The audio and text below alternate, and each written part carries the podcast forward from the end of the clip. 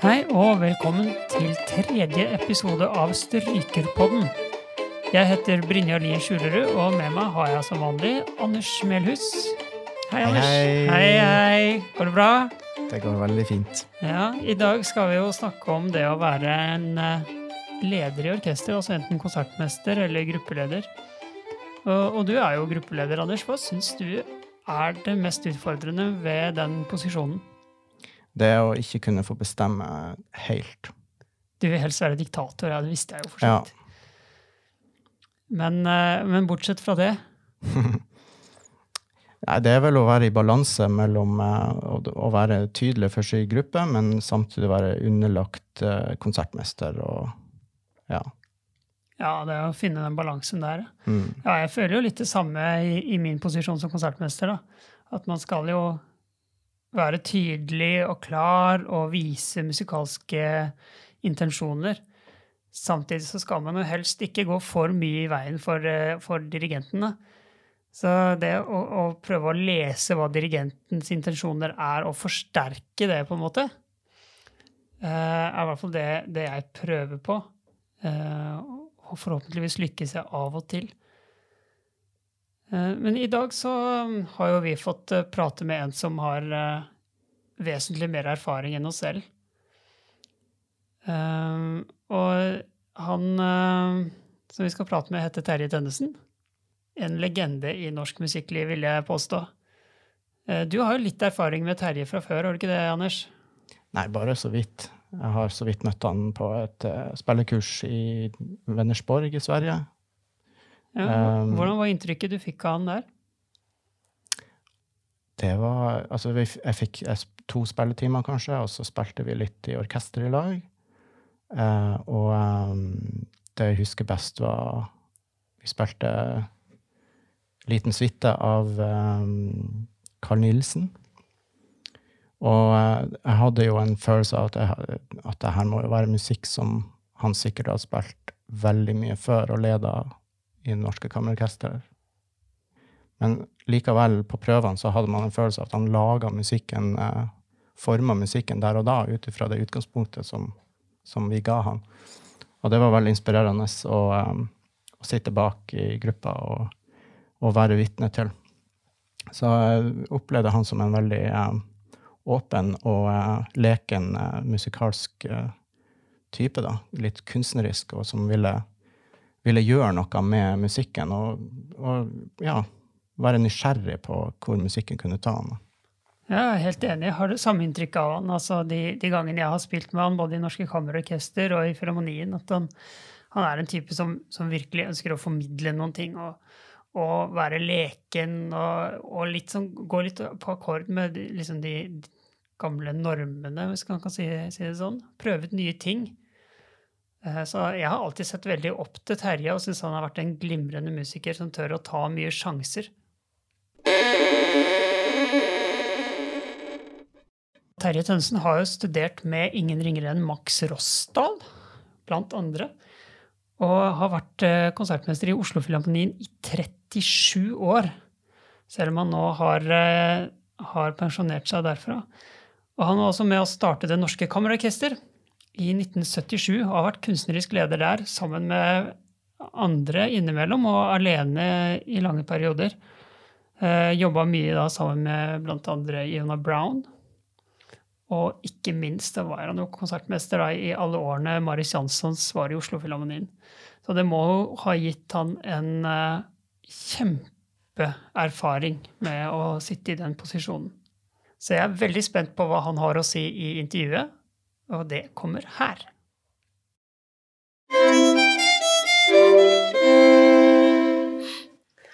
Ja, Terje Tønsen, velkommen til Strykerpodden. Ja, takk. Det er jo en stor ære for oss at du ville stille opp her. Det er, eh, jeg har virkelig sett fram til det her. Eh, Så bare så For å starte her fra starten, hvorfor begynte du å spille fiolin? Eh, Jeg begynte eh, var inspirert av at min eh, morfar eide en fiolin. Og han var amatørfiolinist.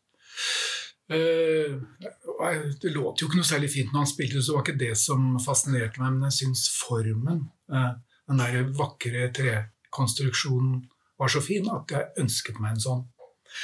Som regel fikk jeg ikke det jeg ønska meg, men denne gangen gjorde jeg det. Og så begynte jeg å spille på det som het Veitvet musikkskole. Ja, og derfor har det Da, da ble du bitt av basillen? Ja, um, altså jeg gjorde, husker jeg gjorde veldig fort uh, fremskritt. Klarte å lage en voksen låt relativt fort. Og det, det husker jeg ga meg et slags sånn fortrinn uh, i de få musikalske, sosiale sammenhenger som fantes da, ute på Skedsmo, hvor jeg bodde. Mm. Det var jo ikke mye. Uh, men så var jeg vel sånn gutter flest. Det var, sport var jo mye gøyere. ja, Drev du med sport òg? Ja, da, jeg drev med uh, det meste. Hæ? Som var tilgjengelig på Skedsmo. Ja, ikke var sånn... ski, skøyter og fotball. Ja, Men du var ikke sånn enspora, bare fiolin og bare klassisk musikk? Og... Nei. Nei, Gjorde alt mulig? Tror du det er viktig i forhold til å, å trives eh, med det man gjør? At man ikke blir for enspora på uh, Det kan jeg for så vidt ikke si noe. Jeg var jo en tid jeg var temmelig enspora, hvor jeg levde på en stor inspirasjon. Uh, jeg gikk jo ikke under av den grunn, men man hører jo historier om, om særlig innen studentmiljøet hvor folk sliter psykisk og fysisk. Mm. Eh, bare noen sånne korte spørsmål først. Eh, har du noe favorittverk? Nei, egentlig ikke. Jeg må jo si at jeg, liker generelt Beethoven og Bach. Mm. Og um, noen øvelser som du ofte gjør? Som du liker? Sånn type oppvarmingsøvelser? Eller? Ja, nå kan jeg faktisk si det, for jeg har vært veldig dårlig på det hele mitt uh, profesjonelle voksne liv. Men uh, Særlig denne tiden, da. Men også de siste årene før det så har jeg uh, vært veldig konstruktiv med oppvarming. Um, fordi jeg øver mindre enn før, og da trenger jeg å skape en, en måte en grunnmessig substans som går på synkronisering i høyre hånd og, og, og sikkerhet uh, skalamessig. Så nå øver jeg helt systematisk én uh, flash-skala hver dag. Og en del sånne koordinerende buøvelser som gjør at, at formen i løpet av en 30-40 minutters tid er tilbake for fullt. Hver dag. Ja. Flash, altså. Mm. Ja. Det var litt av det når jeg var yngre. Da var det rett på Fjellkonserten med en gang. ja. Eh, hva slags fiolin spiller du på? En Guadagnini Jean Baptista fra 1756, eh, som eh, gjett hvem eier. Ja, akkurat. Og hva vil du si har vært høydepunktet i din karriere til nå? Eh,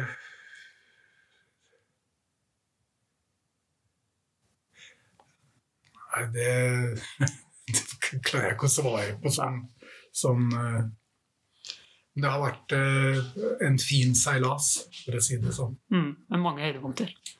Mange fine øyeblikk å huske. Ja. Hadde du noe forbilde, eller har du noe forbilde nå? Eh, sånn musikalsk forbilde som du så opp til?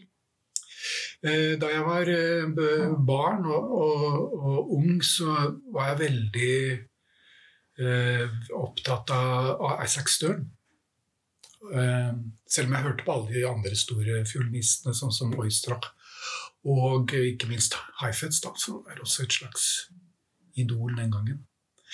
Eh, jeg har hatt en del å gjøre med Rostropovitsj og hans eh, karisma, eller oseanaktig fremtreden på en scene, har også fascinert meg dypt. Mm. Og hvem er den beste dirigenten du har spilt under, som du har matcha med? Jeg fikk jo eh, så vidt før jeg slutta i Filharmonien en uke med, med, med en, ja, Mekkele. Ja. ja. og det syns jeg var en, en, inspirerende uke. Eh, og så husker jeg så husker jeg en, en, en, spesiell opplevelse jeg hadde i Filharmonien. Vi reiste i Bergen med, med Chung som dirigent og gjorde uh, tre Brahms-symfonier.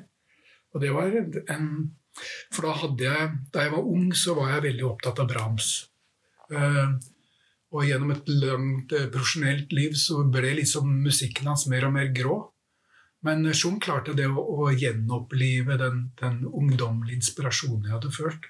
Og det var en veldig stor opplevelse. Eh, så må jeg jo si at eh, jeg var jo med 20 år med Maris Jansson, så, og vi hadde jo ekstremt mange store opplevelser med ham. Hva var det som var så spesielt med, med Maris? Jeg, jeg, har bare så vidt spilt én prøve med han. Eh, men, men, han har jo Han sitter jo i veggene fortsatt i konserthuset. Ja da. Um, han var ekstremt systematisk uh, under prøveperioden. Um, og så hadde han også den evnen at han, fri, at han frigjorde orkesteret på konserter. Vi fikk lov til å gi oss hen til inspirasjonen med få korreksjoner når vi først var på podiet. Og det, det, det gjorde at uh, Jeg vet ikke hvor godt orkesteret egentlig låt, men, men den, jeg tror det var overveldende uh, for publikum hvordan vi ga oss hen til uh, musikken når vi spilte under ham. Jeg har lyst til å komme litt mer inn på det her, den rollen som du hadde i Filharmonien som konsertmester. Hva, hva, tenker du er konsertmesterens oppgaver? Altså, en konsertmester fylle flere, burde fylle flere oppgaver enn det jeg klarte. Eh, jeg skylder litt på tidsnøden. Jeg var engasjert andre steder og, og ganske mye. Eh, eh, men jeg tror sånn stort sett på selve podiet under prøven og konserten så funka jeg bra som en konsertmester. Og konsertmesterens funksjon er jo eh, eh, der og da kunne eh, på en måte være en, både leder for sin gruppe, være tydelig og, og klar. Eh, samtidig som han er på en måte en mellommann mellom dirigenten og orkesteret. Han skal være der hvis det oppstår en misforståelse, eller, eller dirigenten ikke kommer gjennom budskapet sitt, eller, eller eh, når dirigenten er vanskelig. Det er, øh, det er en, på en måte et vanskelig mellomstilling som jeg ikke alltid har taklet så bra. Jeg syns du takler det veldig bra, må jeg si. Jeg har spilt flere ganger med, med deg som konsertmester. Uh, i hvor stor grad føler du at orkesteret spiller på konsertmester og, og, og, dirigent? Hvordan er det forholdet der for resten av orkesteret, tenker du? Ja, jeg, har i hvert fall sett på det sånn at der hvor jeg føler at dirigenten er uklar, så prøver jeg å være, være veldig tydelig for hele orkesteret. Uh, vise min vilje. Uh, og Eh, under, særlig under Previn, som Han var ikke en mann av de store gestene, liksom, så da kunne det være bra å ha en sterk konsertmester. Mm. Uh, følte du at det var lett å kommunisere med, med resten av orkesteret, eller ble det for lange avstander til at du klarte å nå frem? Sånn lydmessig er jo konserthuset relativt udugelig i så måte. Ja. Men jeg, eh, jeg, har jo alltid vært ekstremt visuell som musiker. Eh, jeg ser på opptak av meg sjøl og tenker at den mannen er gal. Men, eh, men det, altså, jeg har et ganske tydelig kroppsspråk, så det tror mm. jeg er lett å se, egentlig. Er det nødvendig for en konsertmester å ha et tydelig kroppsspråk? Eh, ja, det kan helt sikkert være veldig forstyrrende hvis det er en god dirigent og, og, og, og oppgavene ikke trenger å være tydelige. Eh, da kan det jo virke som en obstruksjon. Mm. Det er jo en vanskelig balansegang, eh, som jeg, jeg syns det er veldig vanskelig. Hvor aktiv skal man være i type å ta egne initiativ i forhold til dirigenten og, uten å komme i veien? Mm. Jeg har alltid, alltid tatt uh, mye initiativ. Uh, uh, når jeg burde, og kanskje også når jeg ikke burde. ja. Tror du det er bedre å gjøre for mye i utgangspunktet og heller få en Nå må du roe deg, liksom. Ja, jeg tror det er Ja. bedre. Ja. Altså, jeg tror at uh, veldig mye av musikk, musikk og dans er veldig nært beslektet. Og vi har jo gjort et et slags forskningsprosjekt nå i Norske Kammerorkester uh, de siste årene med jobbet med en pantomimiker eh, som for å, å lære kroppsspråk som, som, som er med å rive ned det vi kaller den fjerde veggen. Da, den som er Mm. mellom publikum og, og sal. Altså, vi spiller jo i klassisk orkester så spiller vi for det første spiller vi noter. eh, Som da er plassert sånn at orkesteret ikke feiser eh, publikum. For det andre så er all energien går jo ned i de notene. Dirigenten står med ryggen til. Det er ekstremt ikke-kommuniserende form for kunst. Eh, scenekunst. Eh, så det vi drev og jobba med da, var å, å bruke enkle teatergrep for å, for å åpne opp og, være sårbare og kommuniserende for publikum. Hvilken Eh, effekt, hvilken effekt fikk det, syns du? Det fikk, eh, var ekstrem respons hos publikum, ikke bare i Oslo, men alle de andre stedene vi gjorde det. Mm. Vi, gjorde jo, vi spilte jo utenat i tillegg. Uh, og vi gjorde de store strykeverkene som, som Feklerte nacht' og, og 'Metamorfosene' og sånn. Alvorlige, store verk. Uh, uh, Og der fins det jo på YouTube, ikke sant? ja, Det første vi gjorde, var «Feklerte nacht', som da Mm. ligger på YouTube fra en konsert i Göteborg, tror jeg. Mm. Uh, og det, det syns jeg veldig uh, viser veldig tydelig mye av det vi lærte. Men hva gjorde det med musikerne? Jeg tror mange av de har hatt gjennom de produksjonene vi har jobbet med akkurat dette, jeg tror jeg har hatt mye å si for deres forståelse av seg selv som musikere. Eh, spesielt det kommuniserende forholdet eh, det er å være musiker. Mm. Tror du det er eh, en forutsetning for at um, at den klassiske musikkformen kan man si, skal overleve? At vi blir flinkere til å kommunisere budskapet til publikum? Ja, det tror jeg er uh, fremtidens must. Og det, det har vel spesielt vist seg i disse tider hvor man plutselig legger ut alt på eteren. Eller mm. altså streamer uten publikum, men streamer konserter direkte for et, et TV-tittende publikum. Så, så syns jeg mange eh, ting blir veldig tydelig.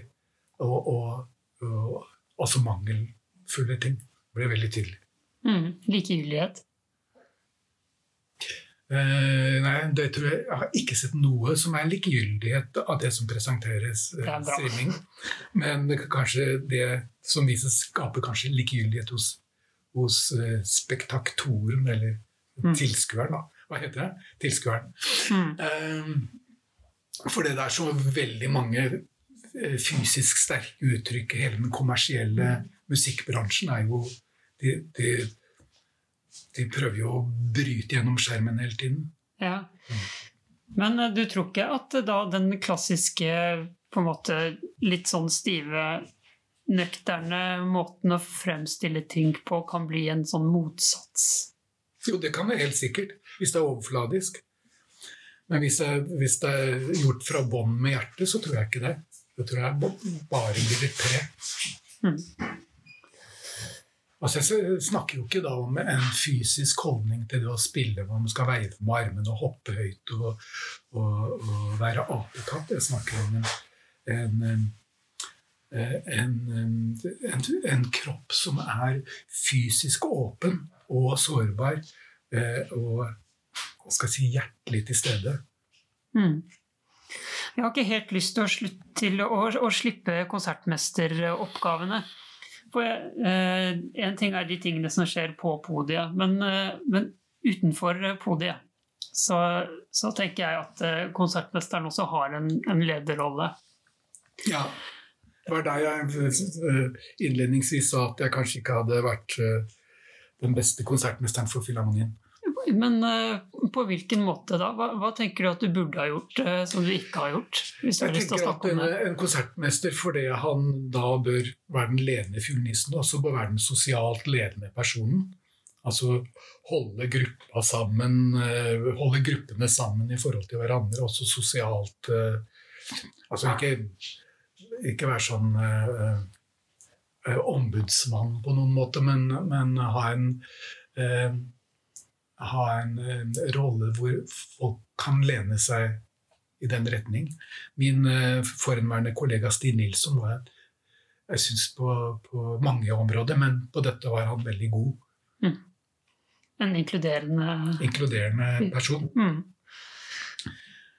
Eh, nå har vi aldri hatt, eh, eller hatt lite altså, dype konflikter, i hvert fall de senere årene i, i min førstefellegruppe i Filharmonien. Men jeg har tenkt på at jeg eh, ofte har vært lite til stede. Mm. Sånn sett. Hvordan eh, tenker du med måten man gir tilbakemeldinger på i orkester mellom musikere? Er det, er det en åpenhet for, eh, for å prate sammen om, eh, om personlig utvikling, om, om hvordan orkesteret utvikler seg og sånne ting? Ja, det gjør vi jo hele tiden. Eh, men det kommer litt an på hva slags tilbakemeldinger. Det er jo et, eh, musikere er følsomme mennesker, og det er et minefelt der. Mm. Eh, så jeg tror nok f.eks. en konsertmester må ha en, en, en viss prosent diplomati innabords for å styre riktig. Mm. Men kan man bli for redd for å snakke sammen? For å, for å ta opp ting? Mm, Ja, det tror jeg også. Det er en, en mine. Ja, ok. Det er en balansegang. Eh, Ja, det tror jeg eh, Det er jo ikke sant Vi snakker om 100 mann som er eh, høyt utdannede og har hatt kanskje ensporede egotilværelser, kommer sammen og skal og være på en måte en, en slags sånn skoleklasse underlagt en, en, en diktator som dirigenten er på podiet. Det, det er mye det er mye ved det å spille et orkester som ikke er moderne. Mm. Er det noe vi kan gjøre med det, eller bør det være sånn? Nei, man trenger jo dirigenten for, for å holde orkesteret sammen. Eh, Men eh, eh, altså, det er helt sikkert mye man kan gjøre. Og jeg har ikke alltid gjort det rette sånn sett. Ja, det, kan man jo forske på. Um, hva, hva er det du syns har vært det vanskeligste i rollen som konsertmester? Du har vært litt innpå det, kanskje? Jeg har vært litt innpå det. Altså Det jeg syns har vært vanskeligst, har rett og slett vært det at jeg har gjort Jeg har hatt tidsklemma. Um, um, jeg har uh, følt på at jeg ikke har vært nok til stede når jeg ikke har sittet på podiet. Mm. Og så har man det evige spørsmålet med orkester eller dirigenter som dirigerer foran orkesteret. Jeg personlig syns det ofte kan være utfordrende, for veldig ofte da så ser ja, da resten ser på ja, når spiller konsertmester. Mm. Eh, og så blir du en slags en sånn mellommann Ja. hele tiden. Og egentlig i realiteten er det du som bestemmer timingen til orkesteret. Og i sånne tilfeller er det jo da eh, et, en fordel å ha et sterkt kroppsspråk. Mm. Men, men eh, må det være sånn, eller kan man be dirigenten bare Kan ikke du styre det her? Eller? Um, altså det, eh, da hemmer man jo gjerne dirigenten, for det er sånn han er vant til å slå. Det er sånn han føler eh, rytmen gjennom å være en slags pådriver. Mm. Men jeg, synes, eh, det jeg skjønner hvorfor du som konsertmester stiller spørsmålet. For det er, jeg syns alltid det har vært vanskeligere å spille med en, som, en dirigent som ligger langt foran, eh, enn en som, som mer eller mindre forlanger at man skal ligge i hvert fall nærheten av slaget hans. Ja.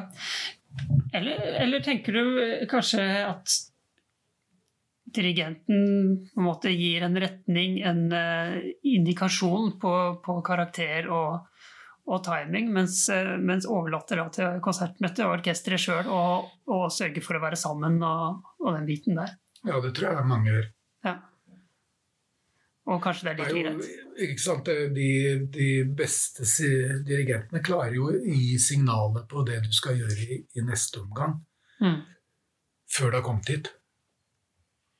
Eh, og da, når du har fått signal og vet hva du skal gjøre i neste nu, så, er, så føler du deg mye tryggere. Eh, har du jobbet aktivt med å, å på en måte utvikle orkesteret? På sånne grunnleggende ferdigheter, eller på stilistiske eh, uttrykk? Ja, det syns jeg har vært en For jeg mener at jeg har en bred bak der. Eh, Ettersom jeg har eh, ledet eh, Norske Kammerorkester gjennom mange epoker og perioder. Og, og har mitt å si om stilarter og hvordan man spiller den og den musikken. Og det tror jeg har vært bra for orkesteret Mm. å ha en sånn mann. Altså, Orkester som Filharmonien stiller jo Hvis vi skal ha en um, autentisk fremførelse av noe barokkmusikk, f.eks., så, så, så, er vi, så stiller vi ikke fullutdannet. Nei. Og det, Så det jeg har gjelder jo som en oppgave å, å styre i sånne tilfeller hvor jeg har noe å si. Mm -hmm. Hvordan gjør du det? Hvor- Hvordan, eh, på en måte, hvilken måte kan du påvirke det på? Eh, Ja, ved å formulere så konkret som mulig hva jeg mener, og også vise kort. Ja, For jeg synes jo ofte på podiet så har, har vi veldig lite tid til rådighet til faktisk få gitt noen beskjeder, for det er, dirigenten har all makt og all tid. Hvordan får man eh, formulert beskjeder? Ja, det, du kan gjøre ekstremkort som bare gjelder din gruppe. Det kan jo snu deg og si, og ta de sju, åtte, ti sekundene som det gjør. Eh, avbryte dirigentens arbeid. Eller hvis det er noe som gjelder hele ensemblet, så kan du henvende deg til eh, dirigenten med et skal jeg si, retorisk forslag. ja. Syns du det har vært vanskelig å, å komme igjennom eh, når dirigenten har vært der, og, og på en måte få påvirka så mye som du har hatt lyst til? Eh, ja, ja, klart det er, det en balansegang, det òg. Og et minnefelt, eh, selvsagt, hvis det, eh, dirigenten er en nærtagende person. Men jeg har hatt som prinsipp i Filharmonien at dirigenten er, for min egen del, at dirigenten er sjefen. Mm. Så hvis jeg sier noe med brask og bram, og, eh, og dirigenten da sier at det er ikke sånn jeg vil ha det, så bøyer jeg meg for det. Ja. Det har jeg hatt som et prinsipp. Eh, vi skal over til eh, Det Norske Kammerorkester. Ja. For eh, når jeg tenker Norske Kammerorkester, så dukker du opp i tankene umiddelbart. Du, var du med å starte det fra starten av? Ja. Ja. Jeg var med å initiere det i 77. 77. Hvor, hvordan starta det? Hva var tanken bak? Eh, nei, altså Det begynte opprinnelig med, med Bjarne Fiskum. Samlet eh, unge musikere i Norge til kurser oppe i Trøndelag. Mm. Eh, det foregikk på to år, tror jeg. Jeg var med det siste. Det vil si, om det, jeg lurer på om det var i 75. Eh, og da, eh, da Da dirigerte han. Og vi hadde til og med debutkonsert da, i Oslo som Det Norske Gammelorkester. Um, så ble det bare uh, skjedde ikke noe mer. Så to år etterpå, da jeg gjorde meg ferdig med studiene mine, så, så fikk jeg et brev av at eh, noen av mine kolleger hadde kommet sammen i Oslo og ønsket å restarte orkesteret nå uten dirigent, men med meg som kunstnerisk leder. Og um, det sa jeg ja til, og så høsten 77 så hadde vi en, en eh, debutkonsert i Auland, og det var begynnelsen. Mm. Uh, hvor, hvor ofte hadde dere prosjekter da i starten? Eh, litt som det falt seg. Eh, men kanskje det lå på et snitt det lå på fire-fem prosjekter de første par årene. Mm. Og så ble det mer. Ja. Eh, og da eh, var det du som var kunstnerisk leder eh, for alle prosjektene. Ja, Til å begynne med var det det, så kom etter hvert Iona Brown inn. Ja. Så vi alternerte i ganske mange år. Eh, og så sluttet hun eh, sånn rundt år, år 2000. Ja. Og siden det har det vært meg vi, hatt, eh, vi hadde tre år hvor jeg også alternerer med, med en hollandsk feminist. Jeg husker ikke farten hva hun heter. Um, ja, jeg kommer på det etter hvert. Men Ayana Brown, fortell litt om henne. Ja, hun var jo en Altså, på den tiden da hun kom inn, så var jo eh, Academy og St. Martins in the Fields var liksom idealorkesteret. Var de, eh, eh, det var sånn man ville låte. Så det ble jo en, en eh, fantastisk skole for oss eh, da hun kom. Altså, hun kom eh, til orkesteret gjennom Rostropovitsj som hadde anbefalt, og han hadde spilt konserter med oss og anbefalte oss for henne. Så hun kom og hørte en konsert i Oslo, og så eh, inngikk vi en avtale med henne. Ja. Så hun hadde jo hele den eh, eh, kulturen med seg. Og ganske autoritær dame på mange måter. Og så, så det ble liksom presset inn i oss. Og det, det er på en måte noe som det vi lærte av henne den gangen. Det er noe som vi har brakt med oss fra generasjon til generasjon siden. Ja, Går det an å gå og, og si noe generelt om, om måten hun spilte på, måten hun ledet på, hva, hva som gjorde at hun på en måte fikk det så bra som hun gjorde? Ja, hun, hun, altså, hun var gjennommusikalsk. Hun hadde en veldig veldig bra timing. Uh, uh, og var en karismatisk dame. Uh, men uh, uh, hun lærte oss f.eks. hvor svakt det går an å spille for å skape de store kontrastene. Det der høres veldig banalt ut, men det er, uh, det er ikke så banalt som det høres ut. Men jeg kan fortelle en historie. For det, jeg var i Bergen eh, på Festspillene, eh, og da hørte jeg to ensembler. Det ene var Wyrers kammerorkester fra Hamburg. Det var ganske lite orkester, men de spilte sånn som veldig mange kammerorkestre gjorde. Veldig konkret og, og påståelig. Det låt litt sprikende, men du hørte dem godt på siste benk i, i, i konsertsalen der. Så dagen etterpå så hørte jeg Academy, og de hadde en ganske stor strykegruppe. Og da satt jeg ganske langt foran i publikum, og da, da, da, da låt det som et digert symfoniorkester. Det var helt utrolig, for det, det så jo ikke så altså Det var ikke mer enn sju førstefeller.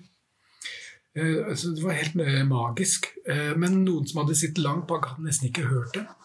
Så det de hadde klart å skape, var eh, lydillusjon eh, ved å spille en del sånne type sånn Dvorak-serenade, sånn romantisk musikk med veldig, veldig fluffy, nesten overfladisk lyd på toppen, men mer substans i bånn. Mm. Eh, og det ga, For det første så ga dem det ekstreme dynamiske muligheter som bare et, et stort symfoniorkester egentlig har.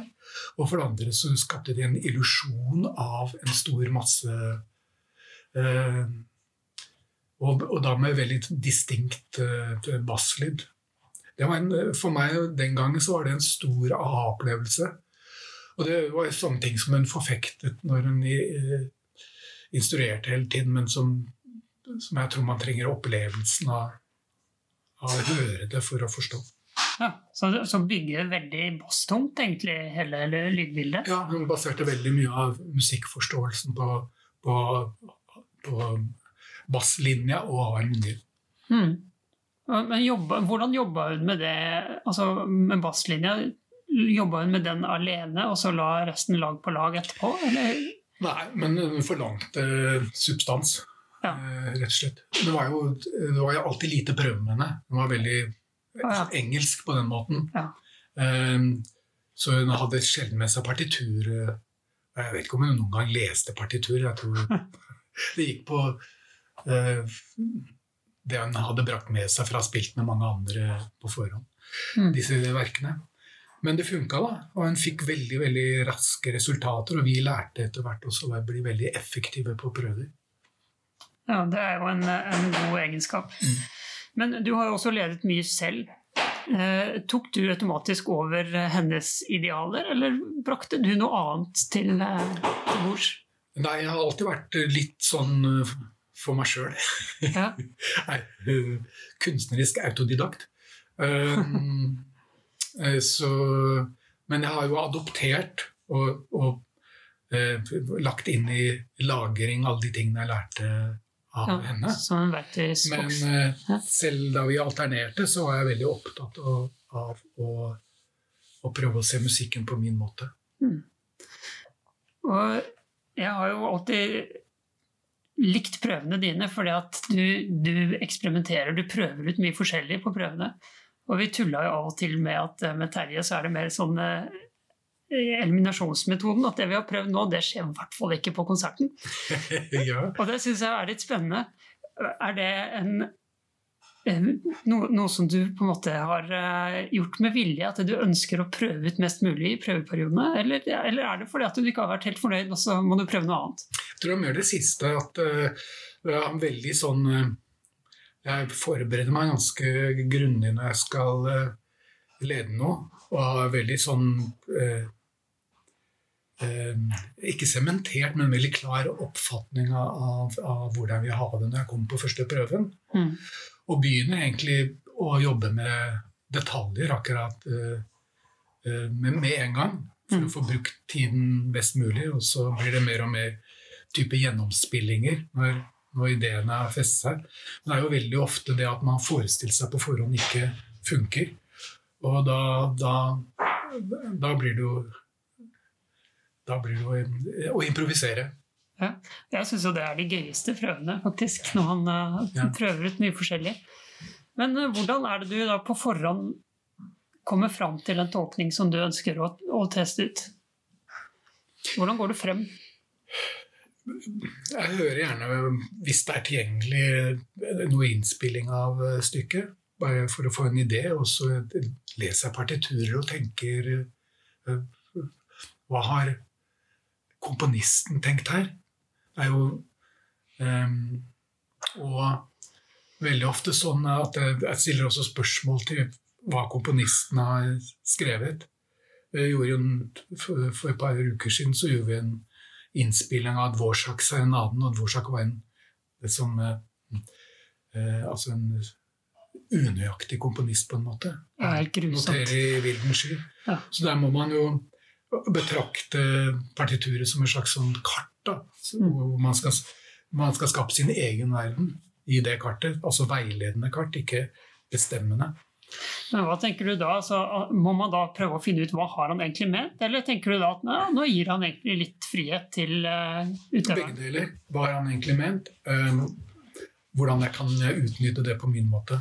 Ja. Altså, uh, dette gir meg den friheten. Ja. Hvor, hvor mye tenker du eh, Hvor mye frihet kan man ta seg? Altså, som jeg sa, så oppfatter jeg ikke bare Dvorsak, men alle partiturer jeg leser, og som jeg skal bruke, eh, som eh, veiledende informasjon. Mm. Eh, men, eh, og det å tolke noe og så bringe det til scenen, er jo en gjenskapning. Det kan ikke være en direkte oversettelse ord for ord. Det må jo, jeg føler at jeg har den friheten. Mm. Og, og, og fordi jeg er Terje, og jeg må gjenskape verket i, i, i mitt, i, med min identitet. Hender det at du får eh, kommentarer på at nei, nå tar du deg for store friheter. Sånn kan man ikke gjøre med, med Beethoven eller med, med Dvorsak f.eks. Altså da, de første årene i Kammerorkesteret så var det min generasjon som satt der. Vi var like på en måte. Da var det ofte vanskelig å komme gjennom på både eh, eh, støynivået på prøvene og også meningene. Men, eh, men sånn som det er nå, har vært de siste eh, 20-30 årene eller noe sånt nå, så har det vært eh, overraskende lite eh, motstand. Ja, er det fordi du har fått mer autoritet, eller er det fordi at eh, de du har eh, med deg, er yngre enn deg? Um, de henger jo veldig sammen. Ja. Eh, men det er også at tidene forandrer seg litt. Mhm. Eller har forandret seg. Uh, Så jeg tror uh, nødvendigvis også må ha uh, større åpenhet i dag. Man må ha større åpenhet. Det er større åpenhet. Mm. Setter du pris på det at du får innspill på prøven, eller vil du helst lede og, og få gjort dine ting? Nei, jeg har lært meg å sette pris på det, for ofte er det veldig bra eh, kommentarer som kommer. Mm. Eh, det- sitter jo dritgode musikere der, som regel. Eh, mm, da jeg var yngre, så var jeg også fordi selvtilliten var dårligere, så, så, så, så opplevde jeg det ofte som en, en kritikk. Ja. For det er jo det er en vanskelig eh, balansegang. Hvor, hvor autoritær skal man være uten at man på en måte overkjører eh, alle andre? Hvor, hvor åpen kan man være uten at man mister kontrollen på prøven? Ja. Og det, det er en ting jeg føler at jeg har blitt bedre på. Mm. på gjennom erfaring. Er det noe man kan, noe man kan trene med, altså speede opp den prosessen? Eller er det noe man bare må gjøre masse for å kjenne på det? Eh, det er sikkert masse man kan gjøre for å speede opp eh, prosesser. Hvis man er mottagelig intelligent og sånne ting, og, og ikke minst har sosiale følehorn. Eh, eh, men eh, altså, vi går jo eh, gjennom livet og, og lærer det ene og det andre, og det er en av de tingene det tok meg en stund å lære. Trenger uh, den klassiske musikkformen en uh, fornyelse? Um, ja, det har vi jo snakket om allerede, egentlig. Blant annet jeg snakket om eh, prosjektet vårt i Kammerorkesteret. Ja. utenat. Ehm, og jeg har vært i en del diskusjoner om det. altså ehm, Putte musikken i konstellasjoner, bruke geografien Altså alle de tingene man kan finne på. Og jeg tror at eh, det, det er nødvendige ting for å skape ehm, eh, for å skape eh, eh, variasjon i et, et mindre og mindre bilde. For det, den klassiske musikken blir jo mindre og mindre i samfunnet. Altså eh, Da jeg var ung, så var jo på en måte eh, klassisk musikk var dominerende eh, musikkunstform i samfunnet. Mm. Bare se hvordan Eller sånn Spellemannprisen var de første årene. Det var jo type Robert Rifling og Arve Tellefsen som var programledere. Det var mange klassiske musikkpriser, mens pop var én kategori. Eh, så så eh, eh, klassisk musikk har mistet hegemoniet. Og eh, det kommer ikke til å være så mange store orkestre i fremtiden. Det kommer til jeg tror den klassiske musikkscenen kommer til å bli mye mer mangfoldig, men mye mer subkulturellaktig i fremtiden. Og det, kommer til å bli mer og mer eksperimentell bruk av klassisk musikk. Ikke så konservativ som den har vært inntil nå. Men det har jo vist seg at det har vært ganske vanskelig, det har tatt lang tid å endre til og med små ting i forhold til konsertformen. Og vi sitter fortsatt i kjole og hvitt og spiller annet. Ja, og og partiturene er jo hellige ennå. ja. Eh, når jeg snakket om at jeg foretrekker å bruke det som veiledende informasjon, ikke som eh, en absolutt. Eh, men det er jo interessant da f.eks. i teater så kan man sette opp et Ibsen-stykke på månen.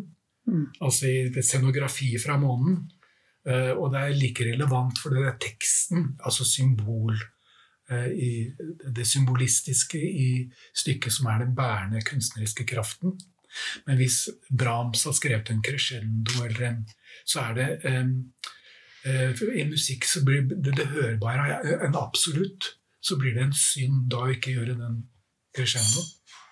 Det er, en, det, er en, det er en og det gjør det vanskeligere for klassisk musikk ikke å være konservativ. Men, eh, men det går det jo an å gjøre noe med. Man kan jo stryke den crescendoen eller skrive en eh, Ja, det, er annen crescendo. det er det jeg driver med. Ja.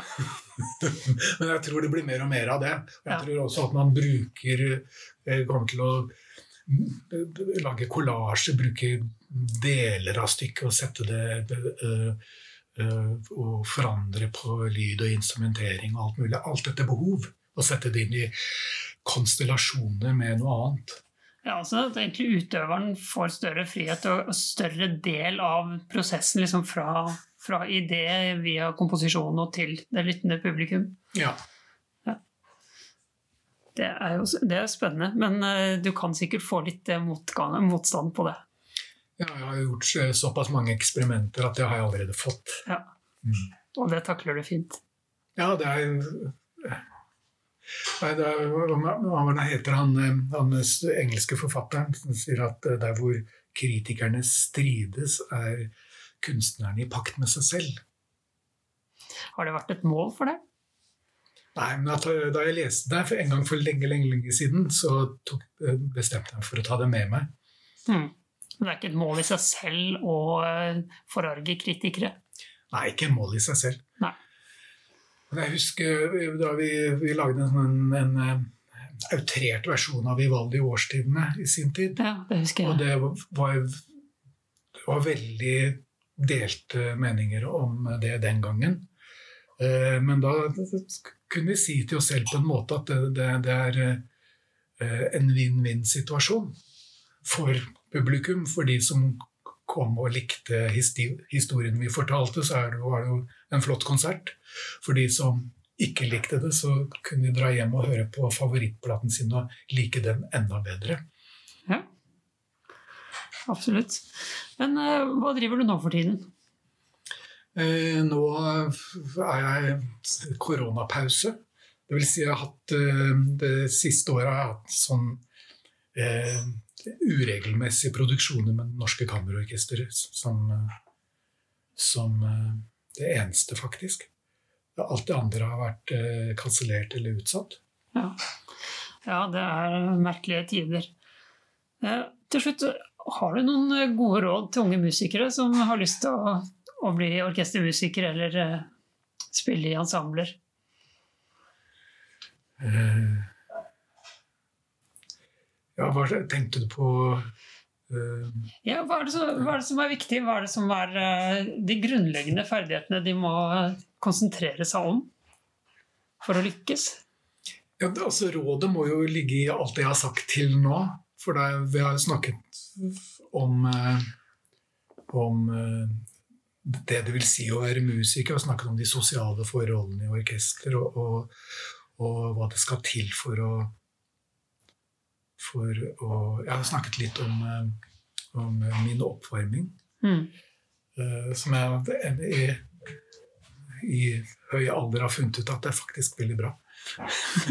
Så øv skalaer. Skalaer.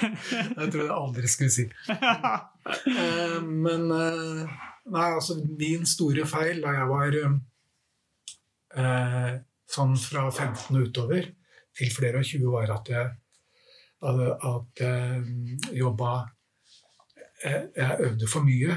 Det vil si en sånn feiloppfatning av kvantitet var viktigere enn konsentrasjon.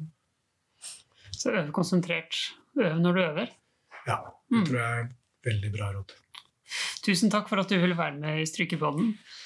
Bare nå. Bare hyggelig. Ja, det var intervjuet med Terje Tønnesen. Og for en fyr! For en karriere han har hatt. Og alt det han har fått til i løpet av de var det 44 årene i uh, Norske Kammerorkester. Hva ja, sier du, Anders? Ja, det, det, er ikke alle som har uh, holdt på så lenge i samme orkester. sånn ja, og fortsatt være så leken og vital og full av nye ideer. Og jeg syns jo spesielt det her med å koreografere orkesteret, spille utenat og, og gjøre noe annet og prøve å få en annen type formidling enn det man er vant til fra et kammerorkester, er veldig spennende. Ja, det, det, er faktisk eh, det jeg er mest fascinert av uh, i det her intervjuet også. At uh, man har jo fulgt med Norske Kammerorkestre fra i, i, lang tid, men når de begynte å, å satse på um, visuell uh, tilnærming til uh, å få for, formidla musikken, da, til publikum. Jeg mener de har vært ganske banebrytende der, da. Ja, for det, ofte på konsert så blir det jo litt sånn Man får litt sånn distansert forhold til det som skjer på scenen. Og jeg tror med, med en sånn tilnærming som Terje har, så vil man på en måte på mye større grad bli dratt inn i det som skjer.